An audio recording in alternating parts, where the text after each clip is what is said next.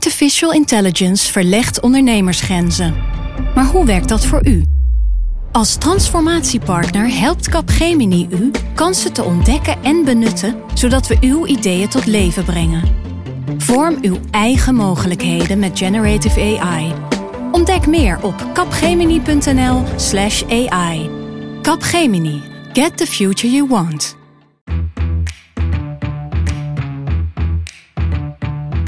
Dit is Haagse Zaken van NRC. Mijn naam is Lemia Aharwai. In deze aflevering van Haagse Zaken is iets anders dan je van ons gewend bent. Want Petra de Koning, jij bent een tijdje weg geweest om een boek te schrijven. En dat boek is inmiddels af. En daar gaan we het het komende uur over hebben. Over, uh, ja, eigenlijk uh, hoofdpersoon uit jouw boek. En dat Ja, is? Mark Rutte. Inderdaad. Tien jaar premier. Bijna tien jaar premier, midden oktober hè. En jij hebt een boek over hem geschreven. Eh, ja, nee, dat klopt. Het begon allemaal met een, eh, eh, groot verhaal dat ik in 2015 over hem geschreven heb. Toen heb ik heel veel naar hem gekeken, heel veel optredens gevolgd. Ik was, ben meegegaan op handelsmissie, twee keer in het buitenland. En daar heb ik één groot verhaal over geschreven, over hoe hij doet, hoe hij zich gedraagt, hoe hij, weet je, hoe die problemen oplost en wat, wat hij belangrijk lijkt te vinden en wat niet. Dus dat was echt een portret gebaseerd op hoe, hoe op kijken. Ja. En dat was, toen was hij vijf jaar premier. Het was die vijf jaar premier. Ja, En dit is natuurlijk het jaar waarin hij tien jaar premier is. Ja. En het begon eigenlijk met het idee om weer een stuk te gaan maken, toch? Ja. Een wat groter stuk. Ja, dat wilde ik doen. Want ik dacht, ja, ik heb, hem zie- ik heb gezien hoe hij zich gedraagt. Maar hoe denkt die man? En ik kwam op dat idee omdat hij toen in, in 2019 een eh, grote toespraak hield over Europa in Zurich. En daar was het commentaar op dat zijn denken, en dat zei hij ook zelf, dat zijn denken over Europa was veranderd. Dat hij anders was gaan denken over de Europese Unie. En toen vroeg ik me af, weet je, is dat zo? En hoe gaat dat dan? Hoe ontwikkelt dat denken van die man zich? Weet je wel, hij, hij lijkt steeds hetzelfde. Hij zegt heel vaak dezelfde dingen. Hij doet heel veel dezelfde dingen. Hoe, hoe zit dat? Hoe, hoe denkt die man? Maar goed, daar heb ik dus veel gesprekken voor gevoerd en zo. Ik begon aan dat project. En op een gegeven moment dacht ik, ja, weet je, ik heb, ik heb gezien hoe die zich gedraagt. Ik heb nu een idee van hoe die man denkt. Dan moet ik eigenlijk, en dat zeiden ook mensen om me heen hoor, dan moet ik eigenlijk wel een boek van maken. Ja. En dat is wel interessant, want in 2015 was het dus echt kijken hè? Ja. hoe hij zich gedroeg. En daar werd hij wel een beetje zenuwachtig van. Hè? Ik, ik weet nog dat er, je had toen dat jaar, eh, of het jaar daarop had je de correspondence dinner voor het eerst in Nederland. Toen maakte hij daar nog een, een grap over. Een van de redacteuren heeft mij zelfs een jaar gevolgd. Niets bleef verborgen voor Petra de Koning van NRC. Zit je ergens rustig in Groningen een eierbal te eten? Petra. Zie je ergens een groene waas? Petra en een groene outfit.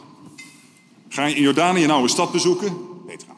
Maar nu heb je het heel anders aangepakt. Nu ben je niet per se gaan kijken naar zijn optredens, maar meer naar hoe komt hij tot ideeën of hoe komt hij tot wie hij is. Ja, precies. Ja, ik ben ook, ik heb het afgelopen jaar ook heel veel naar hem gekeken hoor. Maar ik heb ook met heel veel mensen gepraat. Mensen die hem van vroeger kennen, al van heel jong. Eh, mensen die zijn familie goed kennen. Mensen die hem in de VVD hebben meegemaakt in het begin en tot nu. Eh, mensen van andere partijen. Eh, gewoon heel veel mensen die hem op heel veel verschillende momenten meemaken of hebben meegemaakt. Voordat we het daarop gaan hebben, ben ik toch nog eventjes benieuwd. Want jij hebt hem ook meegemaakt. Dus even, even los van die 2000, eh, van dat verhaal in 2015.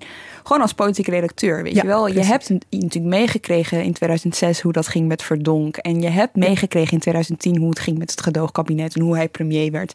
Ik ben gewoon... eh, Dacht je al, ja, waar komt die interesse vandaan? Weet je wel, waar komt, eh, waar komt de fascinatie vandaan? Nou ja, in 2006 had hij natuurlijk die, die eh eh, opzienbarende lijsttrekkersstrijd met Rita Verdonk. Weet je, dat, dat vond heel Nederland volgens mij super interessant. Ook al mochten alleen de VVD-leden stemmen. Toen zat ik op de politieke redactie en weet je, toen volgde ik niet eens de VVD, maar ik heb wel die debatavondjes toen gevolgd. Weet je, ik, ik herinner me nog heel goed hoe die discussies gingen en hoe Rita Verdonk dan een krukje bij zich had. Om, eh, en daar ging ze dan op staan, zodat ze niet heel veel kleiner was dan, dan Rutte en zo. Dat soort dingen vergeet je niet meer. Daarna ben ik correspondent geworden in eh, Brussel. En toen werd hij premier. Dus dat heb ik niet in Den Haag meegemaakt, maar wel in Brussel. Dus ik zag hoe daar op hem werd gereageerd. Hoe anders dat was dan op Balkenende daarvoor. Weet je, Merkel die vond hem eh, meteen geweldig. Maar tegelijk vonden de Europese leiders het ook wel heel ingewikkeld dat hij uh, gedoogsteun kreeg van de PVV, van mhm. Geert Wilders. Dus dat, dat heb ik allemaal vanuit die kant meegemaakt. Laten we het even hebben over de methode Peter de Koning. Want dat, dat, dat, dat is eigenlijk wel wat je hebt gedaan. Je hebt eerder verhalen geschreven over bijvoorbeeld de koning. Die ben je ook gewoon gaan volgen. Je bent ook gewoon gaan kijken wat doet hij nou eigenlijk. Je hebt dat gedaan met eh, Wilders een hele, hele tijd terug. Kun je eens uitleggen waarom dat belangrijk is? Kun je eens uitleggen waarom het belangrijk is om iemand lange tijd te zien? Nou, omdat je altijd, als je heel goed kijkt, omdat je dan altijd nieuwe dingen ziet. Omdat je dan ziet ehm, wat iemand belangrijk vindt. Weet je, iemand kan wel zeggen dat hij het belangrijk vindt, maar dat, zijn, dat kunnen ook net zo goed loze woorden zijn. Maar als je ziet hoe iemand reageert, of hoe iemand uit zijn doen raakt door iets. Bij Rutte bijvoorbeeld uh, viel me in 2015 al meteen op hoe ontzettend belangrijk hij het vindt hoe die in beeld komt. Jouw methode is dus eigenlijk: ik ga heel lang op iemand letten. En dat is belangrijk, want.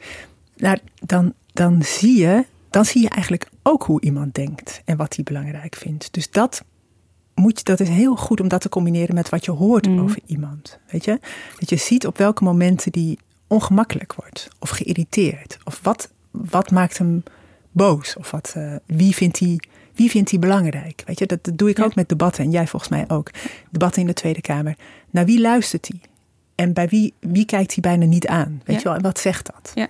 En je ziet dan, op dat, je ziet dan ook de onbewaakte momenten, weet je wel. Als je iemand langere tijd volgt, lijkt mij. Dat lijkt me ook heel waardevol. Laten we het eventjes hebben over je boek. Want hij werd dus al een beetje zenuwachtig. Ik zei het net al van je in 2015 toen je hem langere tijd uh, volgde. Het is ook een, een beetje een niet-Haagse uh, methode. Hè? Want uh, ik, heb, ik heb het eventjes gedaan met Hugo de Jong. En jij, jij deed, we deden dat samen. Dan kregen we de vraag, wanneer komt er nou iets in de krant? Laat staan dat je iemand al een jaar lang volgt zonder iets op te schrijven. Dus mijn eerste vraag is eigenlijk: heb je hem verteld dat je een, een boek over hem zou gaan schrijven? Ik heb het laten weten aan de Rijksvoorlichtingsdienst. Ik, vind, ik denk dat dat altijd handig is. Dan, ze gaan het toch horen, want mensen gaan om toestemming vragen. En mensen gaan zeggen dat ik ermee bezig ben. En dan is het wel handig dat je het gewoon al, dat zij het al weten. Nou ja, en uh, die nemen het dan voor kennisgeving aan hoor.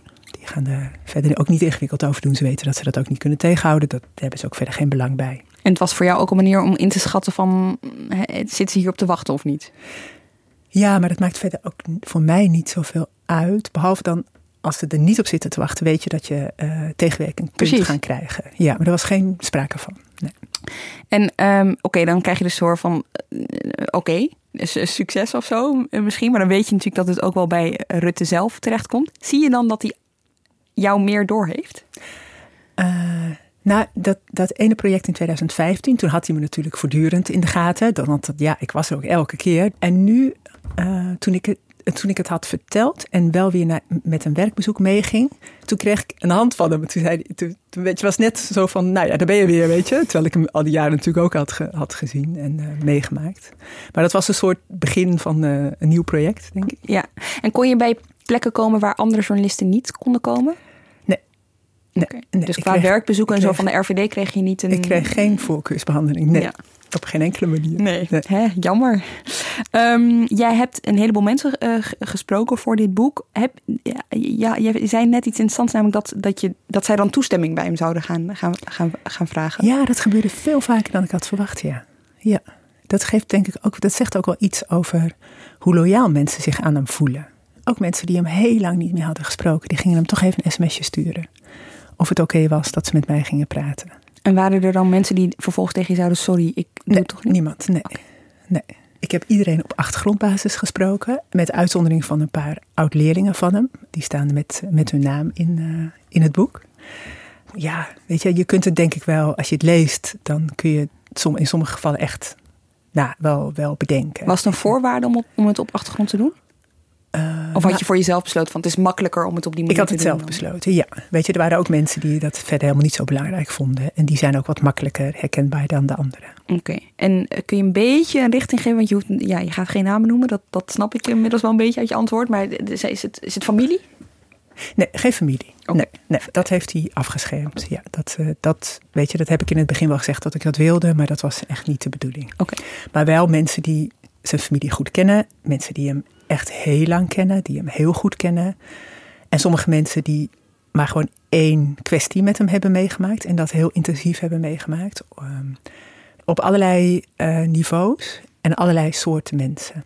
Je moet soms ook een beetje geluk hebben. Mijn zus kende iemand die bij hem in de klas had gezeten Oké. op de middelbare school. En weet je, die kon vertellen wie dan zijn beste vrienden waren. Weet je. En zo kom je makkelijker bij mensen en krijg je ook van, uit meerdere, van meerdere kanten een beeld van zo'n school en zo'n klas. En zo kon je denk ik soms verhalen ook checken bij meerdere mensen. Ja, zeker. Dat is heel belangrijk. Ja. ja. En wat, wat levert dat op? Het lijkt me een enorme puzzel namelijk. Ja, maar dat is geweldig. Ja, dat is ook wel gewoon heel erg leuk om te doen. Het is leuk om te puzzelen en eh, te kijken waar je komt, weet je, en hoe de dingen in elkaar grijpen. Ik hoop dat dat het leuk is van dit boek. Heel veel mensen kennen Rutte op één bepaalde manier, weet je, en die zeggen ook van hij deelt zijn sociale leven ook in in compartimenten. Die kennen een deel van hem en die maken hem mee op vakantie, op, op in de wintersport of zo, op wintersport. Maar dit boek laat al die kanten zoveel mogelijk zien. Dus dat is denk ik wel het, uh, het nieuwe daarvan. Ja. Kun je een paar van die compartimenten noemen? We gaan straks gaan we een beetje op inzoomen hoor. Maar wat, wat, zijn, de, wat zijn de paar kanten? Je noemt die, vakantie, je noemt die skivakantie. Er zijn natuurlijk mensen die hem hier op het Binnenhof kennen als collega. Ja, nou ja, weet je, je, er zijn natuurlijk, je hebt de coalitiepartijen die mm -hmm. hem hebben meegemaakt in een regering. Dus die hebben hem zien optreden en die hebben gezien hoe hij op, op dingen reageert. Je hebt natuurlijk de, de, de, mensen die hem les van hem hebben gehad. Dus die oud-leerlingen die hebben een kant van hem gezien. Uh, de VVD'ers, de VVD'ers in het begin en de VVD'ers later. Of VVD'ers die hem de hele tijd hebben meegemaakt bij die partij. Weet je, dat zo ziet iedereen weer kanten van hem. Gaan zo inzoomen op een paar zaken waar je tijdens al die gesprekken achter kwam. Of het beeld dat je van hem kreeg. Maar ik wil eerst een algemene typering van, van Rutte. Hoe, hoe zou je hem samenvatten? Het is iemand die met een enorme fascinatie voor uh, politiek en geschiedenis. En dat al vanaf de middelbare school volgt hij echt fanatiek. Uh, hij wist er ontzettend veel van, hij las daarover.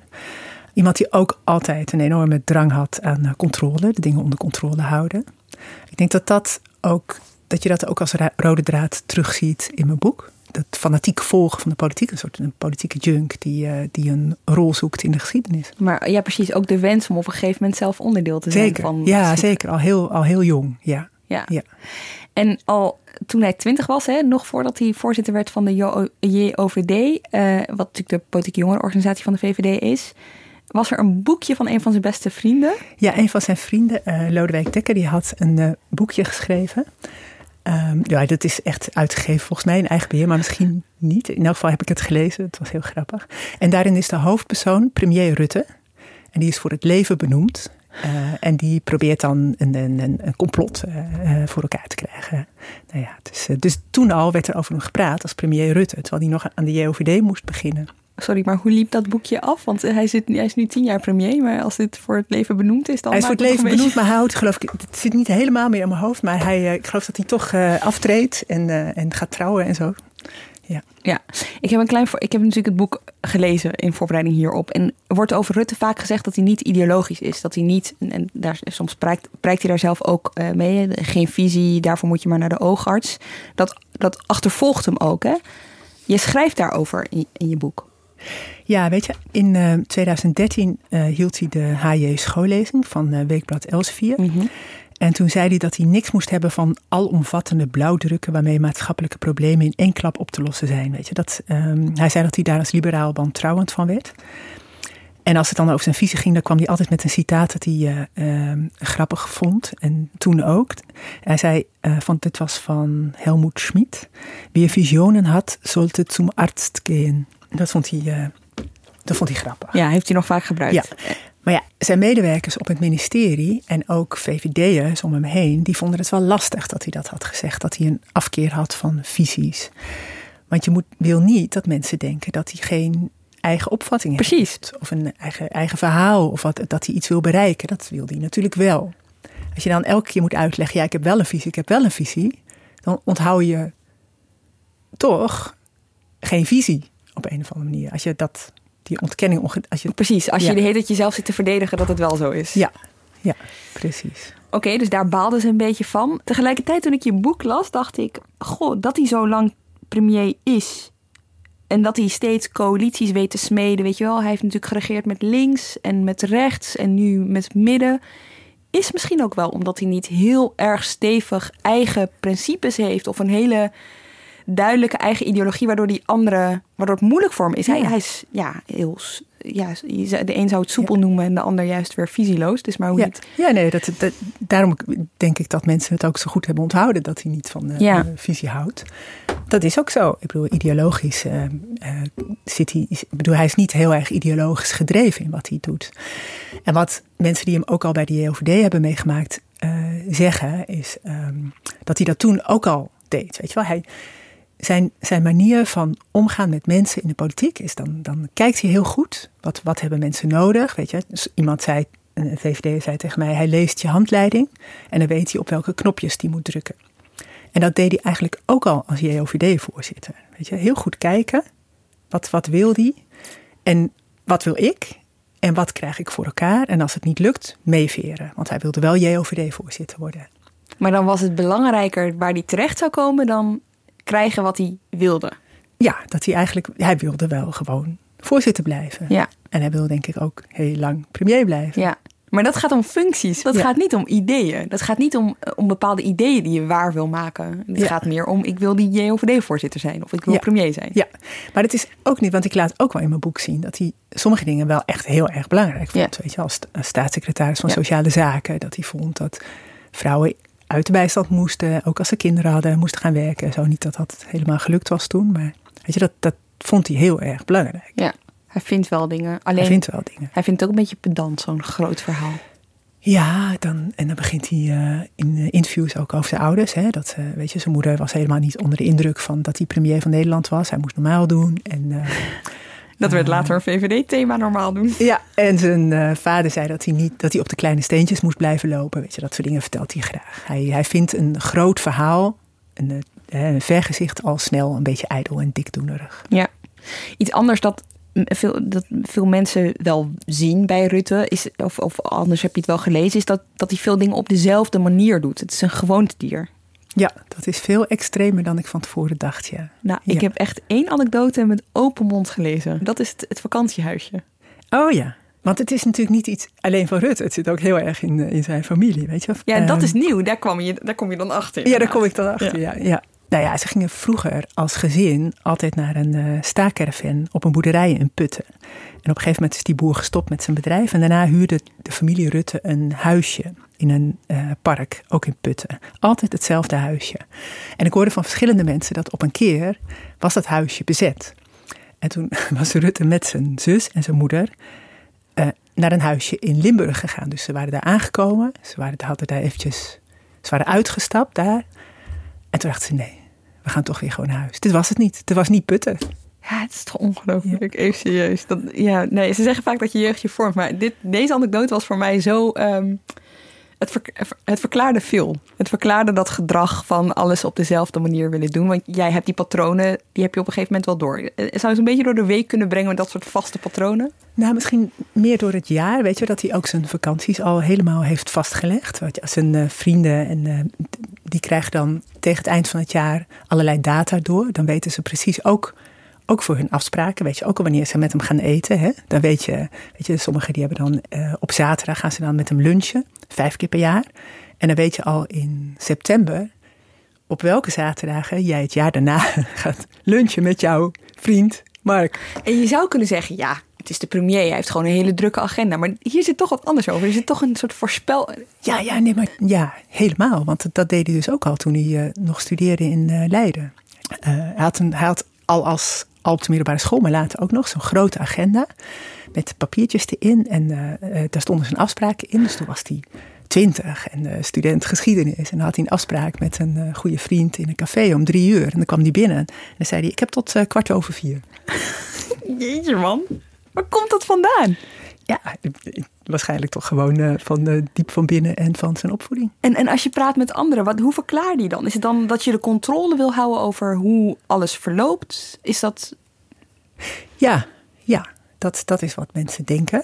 Uh, dat hij heel. Hij, hij kan ook heel snel denken en een paar stappen vooruit denken. En dan wat gebeurt er dan dit als ik zo doe? Wat, weet je, dat hij ja, een, een enorme controlebehoefte om het om het allemaal te beheersen. Ja. ja. maar wat gebeurt er dan als het niet lukt?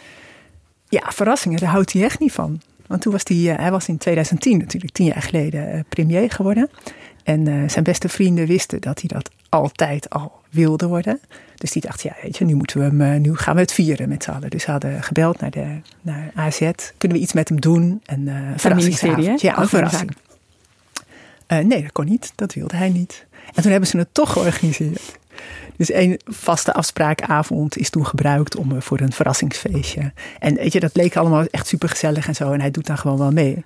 Maar de keer daarna merkte die vriend die eigenlijk die afspraak met hem had, dat het uh, niet de bedoeling was dat oh, dat nog een keer gebeurde. En hoe merkte hij dat dan? Die werd vermanend toegesproken. Nou ja, die maakte een grapje erover. Die, had je, toen liepen ze weer naar het restaurant waar de vorige keer die hele groep zat. En uh, die zei, uh, nou ik ben benieuwd wie er nu zit.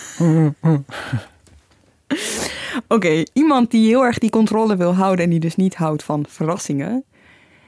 Zo komen we langzaam bij een andere kant waar Rutte onbekend staat. En dat zijn de woedeaanvallen. Af en toe valt hij flink uit.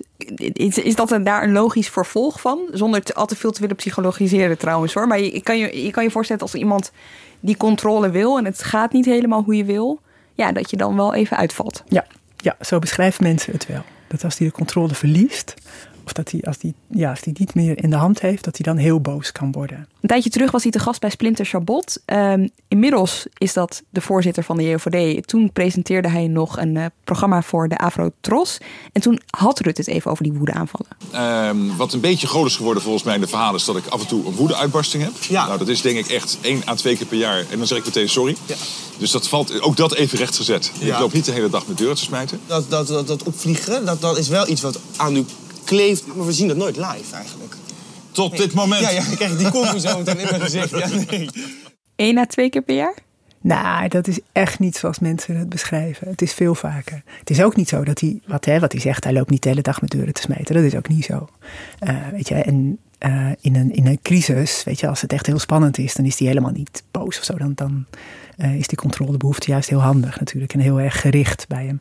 Maar als, hij het, als het niet lukt, dan, uh, ja, nee, want dat was het opvallende toen ik begon aan dat project, nog gewoon voor de krant, hè, van hoe denkt die man, dat mensen daar ongevraagd zelf over begonnen. Als ik zei, ik wil weten hoe die denkt, ik wil weten wat hij belangrijk vindt en, uh, en hoe zijn denken zich ontwikkelt, begonnen heel veel mensen ook gewoon uit zichzelf te vertellen over die keer dat hij zo boos op ze was geworden. En hij kan het inderdaad heel goed goed maken. Hè? Maar wacht, dus, dus eigenlijk is iedereen die je sprak, heeft een keer zoiets meegemaakt? Bijna iedereen. Ja. ja, op een enkele uitzondering na. En dan is het vloeken of met vloeken, hand, ja. of met de vuist op tafel slaan? Ja, vloeken ook. Maar mensen zeggen dat hij heel, heel grof kan zijn. Nou ja, goed. Ja, ik wil echt zo graag weten met wat hij dan scheldt. Maar goed, dat heb je misschien niet helemaal gehoord dan. Nee. En hoe maak je het goed? Nou ja, door, door, door drie minuten later of soms een uur later terug te bellen. Of, uh, of een, uh, een nieuwe afspraak te maken. Weet je, om het dan uh, te zeggen dat hij dat natuurlijk niet had moeten doen. En, diep door het stof gaan. Diep door het stof gaan, ja. Ja, ja sorry zeg, kan die heel goed. Vaak gebeurt dit dus achter de schermen. Maar jij hebt één moment meegemaakt waarin je die boosheid toch wel zag ja, voor de camera's. Ja, dat was in maart van dit jaar. Net voor de coronacrisis. Corona ging toen al rond, maar dat wisten we allemaal nog niet. Toen ging hij naar Zeeland om uh, uit te leggen waarom de marinierskazerne daar niet kwam.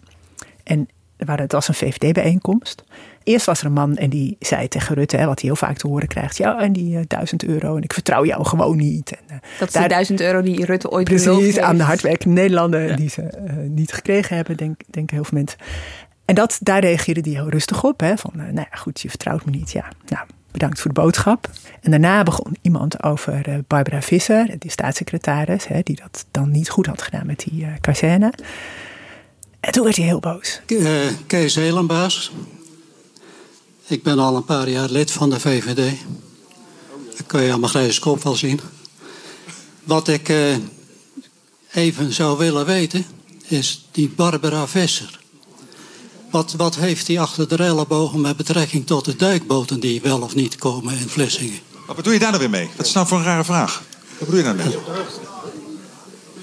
De, de, de moeten naar Vlissingen komen. Ja, je hebt het over ellebogen. Wat, ja. wat bedoel je nou? Nou ja. Zeg, geef een antwoord. Wat bedoel je nou, ellebogen? Wat, wat ik ervan bedoel? Ja. Nou, dat ze gewoon niet de zaken zegt die ze wil. Mag ik hier eens even heel duidelijk zijn? Barbara Visser, daar sta ik volledig voor. Ze heeft een fout gemaakt door niet in mei 2019, en dat is dus een kabinetsfout. Zij is daar staatssecretaris verantwoordelijk voor, niet met jullie in gesprek te gaan. Dat heeft ze in de Kamer gezegd. Ik hoop dat jij in je lange leven nooit fouten hebt gemaakt. Zij heeft hier een fout gemaakt. En die heeft ze toegegeven, daar ze excuses voor gemaakt. Die vrouw deugt Van A tot Z. Is een van de betrouwbaarste mensen die ik ken. Die zal je nooit belazeren. Ze heeft hier een fout gemaakt. Heeft ze toegegeven. En mensen die een fout maken, moeten die ook toegeven. Doe ik ook. Ik hoop dat jij het ook doet. Maar ze is betrouwbaar. Ze heeft niets achter de ellebogen. Ik zeg dat even, alle helderheid hier. Dit, dit klinkt als een man op, op leeftijd ook. Ja, maar ik denk echt dat hij 80 was of zo. En, en Rutte zei gewoon meteen jij tegen hem. Dit was, weet je, niet een, een vertoon van respect of zo. Hij was gewoon meteen boos. En eigenlijk wilde hij er ook nog even lekker over doorgaan. Weet je wel. Maar andere VVD'ers die met die microfoons rondliepen, die zei: Mark, nu uh, andere vraag en uh, inhoudelijk antwoorden en zo. Weet je, die was, die, die haalde door. hem daar weg. Ja, ja, die dachten: dit moet, dit moet niet. Kun je even, want wij horen het en je hoort die boosheid. Hoe zag dit eruit? Nou, het was ook wel een beetje zielig. Die man begon ontzettend te trillen. En de hele zaal werd stil. Uh, het, het, was echt wel een moment waar, waar mensen het later ook nog over hadden, ja. Dus die boosheid, goed, die, die, die is er, die is aanwezig. Maar je zou kunnen zeggen, het, het komt ook vanuit die behoefte aan, aan controle. En laten we daar weer even op, op terugkomen, die controle. Hij wordt ook echt wel gezien als crisismanager, uh, Rutte. En we hebben het net al gehad, hij, met links, met rechts, met het midden. Hij kan, hij kan met iedereen. Is het dan handig? Nou, in een, in een crisissituatie, dat zeggen ook mensen die van, van andere politieke partijen, dus niet per se zijn politieke vrienden, die zeggen dat die in een, in een crisissituatie, dat die controle dan inderdaad echt heel handig is en heel gericht. Weet je, dat hij dan overzicht houdt, dat hij precies weet wat er moet gebeuren, welke stappen, dat hij ook niet loslaat, hè, zoals met de MH17, dat hij zich steeds houdt aan dat alles wat er nieuw is, wordt eerst aan de nabestaanden verteld. Weet je wel, dat die bijeenkomsten zorgvuldig worden georganiseerd. En weet je, dat die structuur, structuur heeft en houdt. Ja. ja. Even naar, want je schrijft, in je boek schrijf je over zijn, zijn tien jaar als premier. Maar wat ik zelf eigenlijk ook heel interessant vond, is de tijd voordat hij premier was. Dus eigenlijk Rutte als, nou ja, in zijn jonge jaren, eh, dat beschrijf je, zijn JVD-jaren, zijn, zijn tijd als student. Maar hij is natuurlijk ook gewoon staatssecretaris geweest. Ja, ja, hij is uh, Gerrit Salm, uh, die was VVD-leider in die tijd. Die heeft hem binnengehaald als staatssecretaris bij Sociale Zaken en daarna Onderwijs. Ja, weet je, in, die tijd stond hij, vonden, vonden mensen om hem heen een, een heel studenticoos, maar ook heel handig. Hij kon heel charmant met allerlei en handig met mensen omgaan. hij kreeg veel voor elkaar, weet je, ook wat hij toen heeft veranderd aan de bijstand dat vonden ze zelfs bij GroenLinks een goed idee. Weet je, want dat, uh, dat wekte wel veel bewondering. Ook bij de VVD-top. Die zagen in hem wel een enorm talent. Ja, en hier eh, waar ik enorm op aansloeg was... Jij beschrijft op een gegeven moment dan... Eh, we hebben het net overduidelijk gehad over die, over die controle die hij zo graag wil...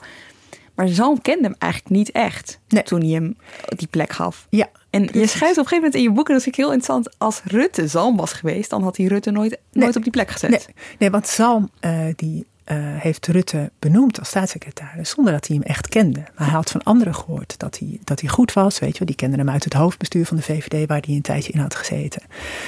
En dat deed Rutte zelf als premier, als VVD-leider niet. Hij, hij benoemt eigenlijk geen mensen die hij niet kent. Hij wil zekerheid. Nou ja, dat heb je natuurlijk niet. Dat is ook wel gebleken in de loop van de jaren, want er zijn best veel uh, bewindslieden van de VVD ja. gesneuveld. Maar dat, ja, dat, dat, is, dat is echt anders. Zalm nam risico's. En, en, en vooral omdat Rutte uiteindelijk een beetje een, een atypische VVD'er bleek. Ja, dat zei hij uh, uh, pas nog hè, bij de algemene politieke beschouwingen. Ik kan alleen van mezelf praten en ik ben een atypische VVD'er, want ik heb niets met spullen. Um, ik uh, ben blij ik ben blij. En ik waardeer dat, hè? Ja, dat weet Zeker. Ik. Nee, we zijn het erover eens. Ik ben blij dat ik in ieder geval de financiële middelen heb om mezelf te voeden, het dak boven mijn hoofd te hebben en uh, kleren te vervangen. En als ik een mooi boek tegenkom, het te kopen. Uh, maar verder heb ik geen grote uh, materiële wensen. Er is ook niks wat ik niet bezit, wat ik zou willen bezitten. Is hij inderdaad zo'n atypische VVD als dat hij zelf hiervoor doet? Ja, zo zien VVD'ers hem zelf ook, ja. Waarom? Ja. Omdat hij inderdaad die spullen niet zo belangrijk vindt. Omdat er heel veel, of een, of een eigen auto of zo, dat, weet je, hij heeft een auto, maar dat vindt hij niet het allerbelangrijkste. Of een eigen huis. En weet je, dat, zeker in zijn eerste jaren als VVD-leider was daar ook wel twijfel over. Weet je, hij was, hij had braaf, was hij bij de JOVD had hij gezeten. Hij had allerlei VVD-dingen gedaan, in het hoofdbestuur gezeten. Maar er waren ook wel twijfels, weet je wel. Was hij wel een echte VVD'er? Hij, hij rook niet naar de VVD, zei iemand. En dat, dat, uh, zo werd dat wel gevoeld. Ja. En waar lag dat dan aan? Omdat hij, omdat hij spullen niet zo belangrijk vond? Nou, of? weet je, mensen zeiden, we hebben natuurlijk als VVD allerlei opvattingen. Uh, we zijn een liberale partij. Maar waar het heel plat gezegd op neerkomt, is eigen huis, eigen portemonnee, eigen auto. Dat moet je, daar moet je een soort gevoel voor hebben. Dat is wat mensen, VVD-stemmers, heel erg belangrijk vinden. En dat was bij hem niet zo. Hij, sterker nog, hij moest die thema's eigenlijk aanleren. Of het belang van die thema's aanleren. Ja, ja, en dan gaat het natuurlijk niet zozeer over die auto en dat huis, en die, maar wel over hypotheekrenteaftrek en... Um, Bed, bad, brood en wat daarvan gevonden vond? Ja. En wat men daarvan vond, ja? ja? ja? migratie was natuurlijk altijd een ingewikkeld uh, thema. En veiligheid, weet je wel, dat soort thema's. Ja.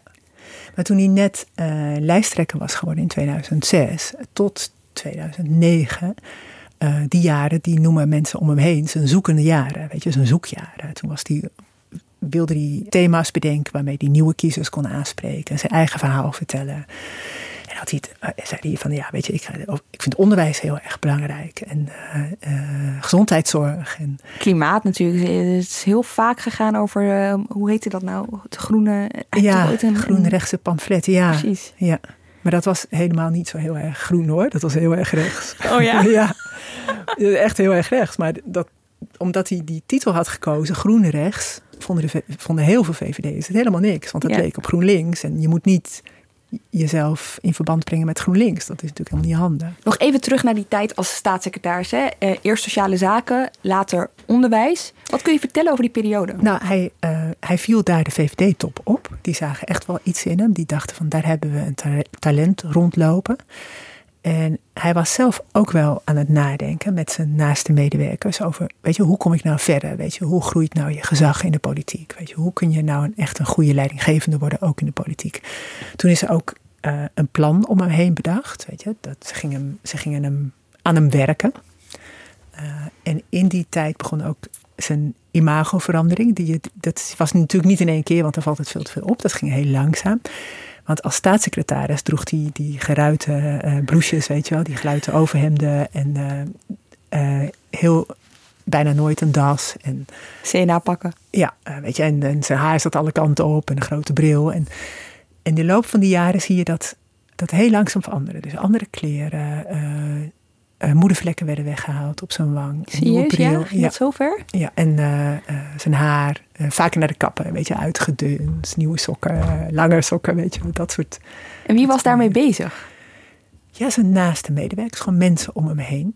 En, en, en vond hij dat erg, dat hij zich, dat hij zich juist zo'n controle vindt, dat je ineens moet gaan veranderen? Nee, ik denk dat, dat ik, dat weet ik natuurlijk niet of hij dat erg vond, maar ik denk dat hij wel inzag dat dat, dat, dat goed was.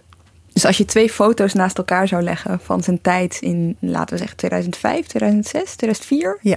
En nu, dan, wat, ja. dan zou je twee verschillende personen zien. Ja, bijna. maar dat, dat zeker. Ja. Toen was hij ook nog wat, wat, wat dikker. En uh, weet je, later is hij meer aan sport gaan doen. En uh, dat, dat verschil zie je. Dus je zag eigenlijk in opmaat naar waar we straks naartoe komen, hè, zijn tijd als in, in de lijsttrekkersstrijd en, en, en, uiteindelijk zijn premierschap. Je zag hem dus eigenlijk qua uiterlijk werd, werd er aan hem gewerkt, maar zeker ook qua ideeën. Die VVD-ideeën moesten bij hem ingeprent worden. Het belang daarvan, het belang om het te hebben over veiligheid, uh, migratie, die portemonnee waar je het net ja. over had. Vanaf 2006, dus toen hij lijsttrekker is geworden, tot 2009, in die jaren is hij echt zelf op zoek gegaan.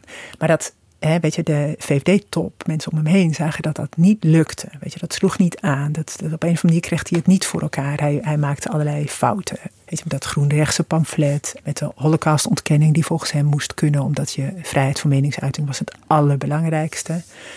Toen stond de VVD op een gegeven moment op twaalf zetels in de peilingen.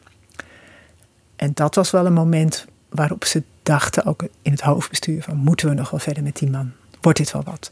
Ondertussen waren er toen ook VVD'ers met hem aan het werk gegaan. Weet je, die, hadden, die hadden hem eigenlijk bij de kladden gegrepen en gezegd... Mark, jij gaat nu alleen nog maar praten over economie, veiligheid. Gewoon de VVD-thema's. Het was toen ook economische crisis, dus dat kwam heel goed uit. Weet je, daar heeft de VVD een VVD-verhaal bij. Dat is die toen gaan vertellen. Heel strak. Hij werd gezien als talent, maar hij ging er dus op een bepaald moment ook zelf in geloven. Want hij stelt zichzelf verkiesbaar als lijsttrekker van de VVD. Ja, dat was in 2006. Hij was niet de enige, want uh, Rita Verdonk, we hadden het al in het begin al even over haar, uh, stelde zich ook verkiesbaar. Hij won maar net, uh, dus dat, het was echt maar een heel klein verschil. En Verdonk kwam op twee, want de, vrij snel daarna waren de verkiezingen. Zij kwam op de tweede plaats. En ja, daarna bleef het echt nog, nog een hele tijd gedoe. Want zij had meer voorkeurstemmen gehaald dan hij. Ze accepteerde eigenlijk niet dat hij de leider was. En zij niet. Daar kwam het, daar kwam het op neer. Ja. Uiteindelijk zette hij haar uit de fractie. En dat was voor een deel van de VVD echt onverteerbaar. Toen leek het er zelfs even op dat zijn leiderschap ter discussie kwam te staan. Ja nou, hoor. Leek het er niet op dat nee. dat gebeurde. Ja, dat gebeurde ook. Ja, dat, dat was toen uh, heel spannend. Hij dacht ook zelf dat het uh, zomaar afgelopen kon zijn. Uh, dat beschrijf ik ook heel precies hoe dat ging. En um, ja, de partij stond ook op, op splitsen. Dat was echt, dat had zo anders kunnen aflopen voor de VVD. En heeft hij daar iets handigs gedaan? Heeft hij daar iets gedaan waar je nu op terug kan kijken? Waarvan je denkt, hey, dat was het waardoor hij het uiteindelijk heeft overleefd? Uh, hij is doorgegaan. Dat is een volhouden. Weet je wel, ook toen hij dacht, dit gaat mis, is hij toch gewoon uh, de, dat congres, waar toen heel spannend werd, ingegaan met ik ga het tot het eind uh, proberen. Dat was een congres waarin een motie van wantrouwen tegen hem was ja, en waar, aangekondigd. Ja, naar aanleiding van de, zijn, dat hij Verdonken uit de fractie had gezet. Dus dat, dat is hij tot het eind toe blijven doen. Weet je, van, ik dacht, ik ga het volhouden tot, tot het eind, tot ze me er echt uitzetten. Dat is niet gebeurd. Hij heeft dat gewonnen. Daarna kwamen weer moeilijke momenten. Maar hij is steeds doorgegaan. Je vraagt je wel af hoe hij nu kijkt naar iets als het CDA, waar natuurlijk ook een lijsttrekkersverkiezing is geweest, waar Hugo de Jonge nipt heeft gewonnen, waar Hugo de Jonge nog steeds niet de onbetwiste partijleider is. Ja, er zullen toch wel wat momenten van herkenning bij Rutte waarschijnlijk ja, zitten. en bij heel veel VVD'ers. Weet je, die, die zeggen ook hier in de wandelgangen, ja, uh, we've been there. Uh, we hebben het allemaal meegemaakt en nu gaat het CDA het meemaken. Maar ja, goed, je zei ook, het ging daarna niet uh, in één keer bergopwaarts. Hè, zijn, zijn lijst, nee, zijn nee, precies, nee dat, dat, dat duurde echt nog een tijd. Totdat hij die, die uh, VVD-thema's goed te pakken kreeg. En er werd ook toen strak gewerkt aan een uh, VVD-campagne. Een nieuwe campagne, anders. Dus in juni 2009 stond de VVD op 12 zetels in de peiling. En een half jaar later, ruim een half jaar later, bij de verkiezingen van 2010, werd de VVD de grootste partij. Dat is in dat half jaar gebeurd. Dat je, er speelde van alles mee hoor. Uh, Balkenende Bos, dat was een uh, kabinet toen. Dat leek echt uitgeregeerd. Die konden helemaal niet met elkaar opschieten. Weet je. Er was van alles wat in het voordeel van de VVD werkte. Maar uh, ja, die partij werd toen wel de grootste. En toen werd hij premier. En kwamen zijn woorden eigenlijk uit die hij altijd al had gezegd... dat hij de eerste liberale premier van Nederland zou. En hij had ook al heel lang daarvoor gezegd... de VVD zou wel eens de uh, grootste kleine partij van Nederland kunnen worden. Dus hij zag die versplintering van de politiek als een uh, kans voor de VVD. Ja, en, en, toen kwam het congres, november 2010. Toen wilde hij toch nog even benadrukken hoe uniek het was. Moet ik u zeggen, als, als lid van deze partij veel meegemaakt. Maar ik heb niet eerder kunnen zeggen dat ik lid ben van de grootste partij van Nederland. En ik heb ook niet eerder kunnen zeggen dat ik lid ben van de partij die maar liefst de helft van de bewindslieden, de helft van de ministers en de staatssecretarissen levert van het kabinet. En ik heb ook niet eerder kunnen zeggen dat ik lid ben van de partij die de minister-president levert. En dat ik hier vandaag sta, niet alleen als lid van de VVD, maar ook als premier van het land, vervult mij natuurlijk met een enorme trots. Je beschrijft in je boek heel uitgebreid hè, hoe hobbelig die, die weg was. Uh, inclusief gewoon een keer de partijtop die bij elkaar kwam te hebben over of hij het wel of niet moest doen nog. Dus daar gaan we niet al te lang meer over hebben. Ik wil even weer door naar uh, de momenten die zijn premierschap tot nu toe markeren. En dat is MH17, uh, of de ramp met MH17 natuurlijk een van de belangrijkste momenten. Het uh, dramatische nieuws over de vlucht vandaag van Amsterdam naar Kuala Lumpur valt nauwelijks te bevatten. Het gaat hier mogelijk om een van de allerergste luchtrampen uit de Nederlandse geschiedenis. Ik ben geschokt. ik ben er echt kapot van.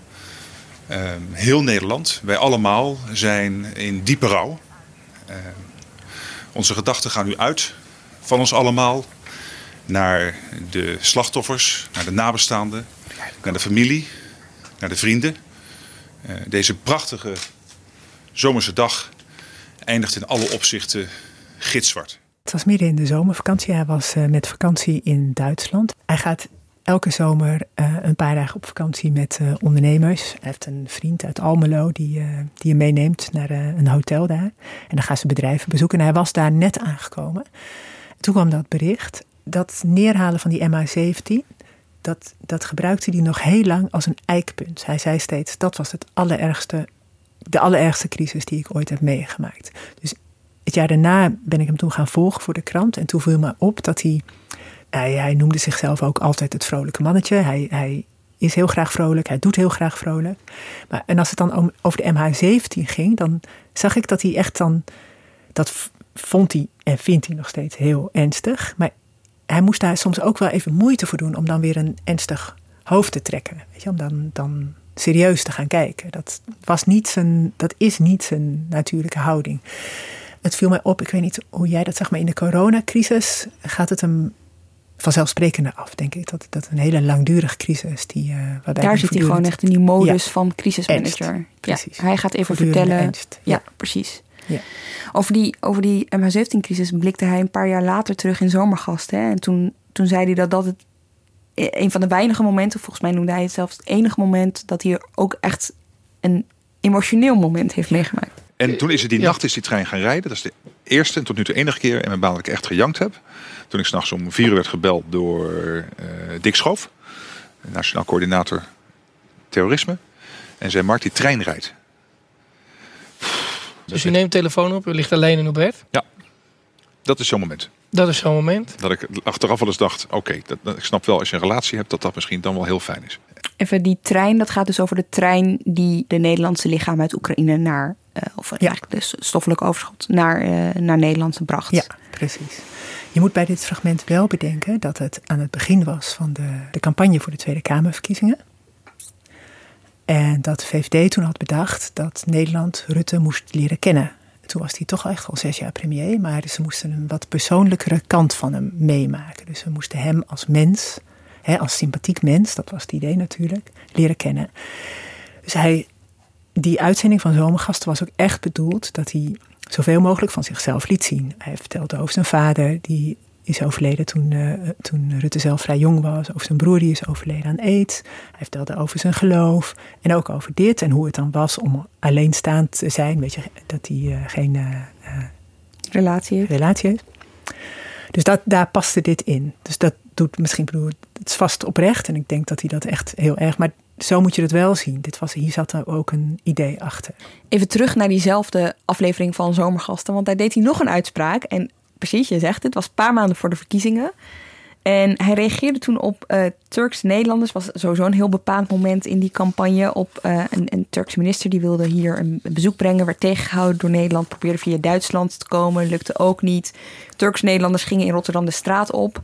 Vielen een cameraploeg van de NOS aan. En dit was de reactie toen bij zomergasten van Rutte. Woede. Ik voel echt pure woede. Die man die zegt dus oprotten mijn primaire eerste gevoel is: la ze zelf op. Ga zelf terug naar Turkije. Pleur op, zou ik in plat Haag zeggen. We hebben in Nederland het recht om te demonstreren. Daar maken zij gebruik van. We hebben ook persvrijheid. Deze mensen treden die persvrijheid treden ze, treden ze met voeten. En laat ik het dan maar misschien meer als minister-president zeggen. En echt klip en klaar onze verworvenheden, met onze verworvenheden, onze normen en waarden, is het alles of niets. Het is geen cafetaria-model. Dit was bedacht, hè? Ja, nee, maar al die filmpjes waren natuurlijk van tevoren uitgezocht. En er was bij elk filmpje hadden natuurlijk bedacht wat hij ging zeggen. Dit was ook bedacht. Ja, dit was ook bedacht. Kleur op ook echt. Of het heel precies in die woorden is bedacht, dat weet ik niet. Maar weet je, de, de hele de woede, dat was bedacht. Wat hij ging zeggen, dat, uh, dat moest ook aandacht trekken. De VVD had heel kort daarna een, eh, een filmpje op de site. Waarin, uh, waarin de VVD zei van, weet je, de, heel veel mensen willen dat hij die woorden terugneemt. Maar dat gaat hij natuurlijk niet doen. Deze uitspraak heeft natuurlijk heel veel, um, voor heel veel reuring gezorgd. Ja. Ook bij uh, migrantenkinderen hier in Nederland. Dachten pleur op, over wie, over wie heb je het nou eigenlijk?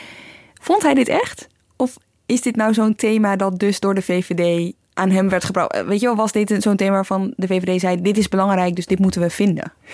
Nou, je zag later, want dit is, dit is ook iets wat hem is blijven achtervolgen natuurlijk. Je zag later dat hij het wel ingewikkeld vond als hij er dan op aan werd gesproken door, door uh, een jongere met een uh, migratieachtergrond.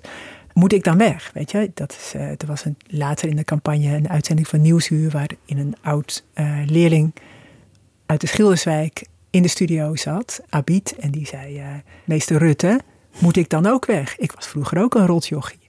Toen zag ik ongemak. Is dat u uh, suggereert van jongeren met een migrantenachtergrond. Jij hoort hier niet thuis. Nee. En Nee, maar dat kan u niet zeggen. Dat kan u niet denken. Maar het gaat mij om, u bent premier. Wat straalt u uit naar buiten?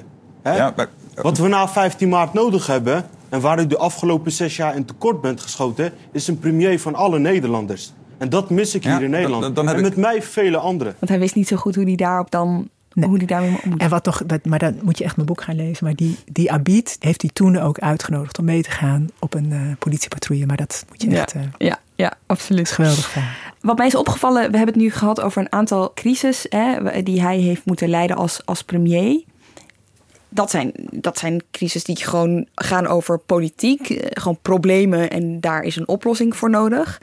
Maar dan heb je natuurlijk ook, het blijft een grote politieke partij, de grootste van Nederland, interne eh, crisis die op, opgelost moet worden. Nou, als het over problemen ging of een crisis die werd veroorzaakt door een echt VVD-thema, zoals eh, de hypotheekrenteaftrek of de inkomensafhankelijke zorgpremie, dan zagen mensen eh, om hem heen dat hij dat heel ingewikkeld vond en nog steeds vindt ook. Weet je, ook als het over toen het over kinderpardon ging, dat hij zich dan niet zo goed raad weet. Weet je, hij kan allerlei crisissen oplossen, maar dat vindt hij dan ingewikkeld. Als het, en volgens eh, eh, mensen om hem heen, ook van andere partijen, is, heeft dat te maken met dat hij misschien nog steeds onzeker is over of hij het wel aanvoelt. Weet Oh je ja. wat de VVD belangrijk vindt? Iemand noemde hem getraumatiseerd door die eerste jaren.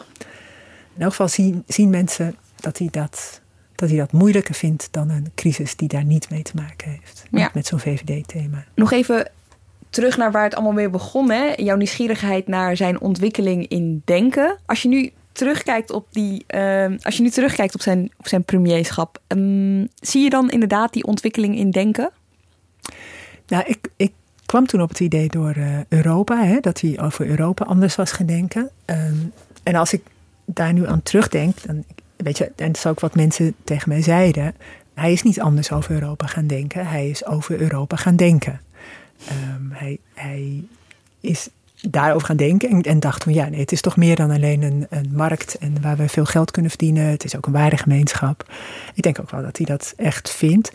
Waar die ehm, waar hij niet anders over is gaan denken, is de begrotingsdiscipline. Weet je? En hoe streng die eh, is voor de zuidelijke landen, ook in de coronacrisis, ook nog deze zomer.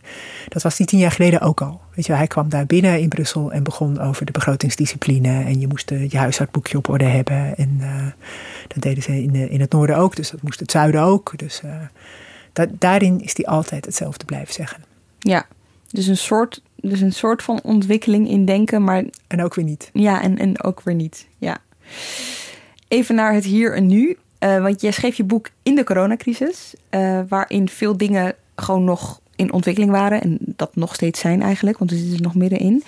Rutte moet nog bekendmaken of hij het gaat doen of niet. Of hij nog een keer zichzelf eh, wil kandideren als lijsttrekker. Ja, ik heb nog niemand gesproken die er aan twijfelt of hij het wil. Iedereen denkt dat hij het wil en ook zal doen. Maar goed, weet je, zolang hij het niet bekend heeft gemaakt, weten we het niet helemaal zeker. Ja. Maar ik zou niemand anders weten, jij? Nee, binnen de VVD niet, nu tenminste. Maar is het zonder gevaar? Nee, nee, dat denk ik ook niet. Want hij is natuurlijk. ehm, hij is al zo lang premier en zijn partij is ook een echte bestuurspartij geworden. Daar zijn ook zorgen over, ook in de VVD. Weet je dat het een, een machtsmachine is geworden. Dat de grootste partij blijven belangrijker is geworden dan al het andere. Ehm, weet je, dat, dat, dat, dat heeft een hoop nadelen voor zo'n partij. Weet je, ken jij nog een, een Tweede Kamerlid dat opvalt? Met- Kun jij je discussies in de VVD herinneren die openlijk zijn eh, gevoerd over een onderwerp? Ja. Ja, Dat is- ophefjes af en toe. Ja, nou 100 ja. km per uur Ja. en zo, weet je wel. Maar veel meer dan dat niet. En Nee. dat is natuurlijk ook wat de PvdA, PvdA heeft meegemaakt in de tijd dat zij steeds de premier hadden. Het CDA ook. En dat, dat lot treft nu ook de VVD. Ja. Een machtspartij. Een machtspartij. En dan ga ik het je toch zelf ook even vragen. Denk je zelf dat hij doorgaat? Ik kan me nauwelijks voorstellen dat hij het niet gaat doen. Maar goed, we weten het echt nog niet zeker. Er is wel een kleine aanwijzing van Oh. uit al mijn eh, eh, gesprekken. Bleek dat zijn jaarlijkse wintersportvakantie is deze keer niet in februari. En dat is het eigenlijk altijd wel. Maar de verkiezingen zijn in maart. En die wintersportvakantie hè, heb ik uit verschillende bronnen. Die is, staat nu gepland voor begin januari. Dus hij kan voluit meedoen in de campagne. Maar of dat als lijsttrekker is? Nou ja, als hij nou geen lijsttrekker is, gaat hij natuurlijk niet meedoen aan de campagne. Oké. Wij weten het niet, hè? Sinds 1 oktober ligt je boek in de winkels. Maar je hebt iets leuks meegenomen voor ons. Want we mogen drie exemplaren verloten. Hè? En je hebt een vraag meegenomen voor mensen die, die, boek, die, dat, die dat boek willen uh, winnen. En die vraag luidt: Wat is het favoriete soort boek van Rutte? Dus eigenlijk zoeken we een genre. Als je een beetje het nieuws in de afgelopen tijd in de gaten hebt gehouden, dan weet je het wel. Um, je kan je antwoord en de reden waarom je het boek graag wil hebben mailen naar haagsezakenwinnen.nrc.nl. En dan uh, hoor je van ons. Tenminste, drie van jullie horen van ons. Dankjewel, Peter de Koning. En jij bedankt voor het luisteren, redactie en productie van deze aflevering door Iris Verhulsdonk.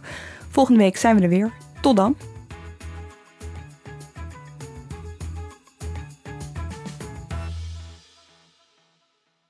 Aardbewoners. Artis nodigt jullie allemaal uit voor het Aardbewonersfestival. Van 15 tot en met 23 juni. Een inspirerend festival over het doorgeven van onze aarde aan de volgende generatie. Vol lezingen, workshops, muziek en nog veel meer. Dus aardbewoners, koop je tickets via artis.nl.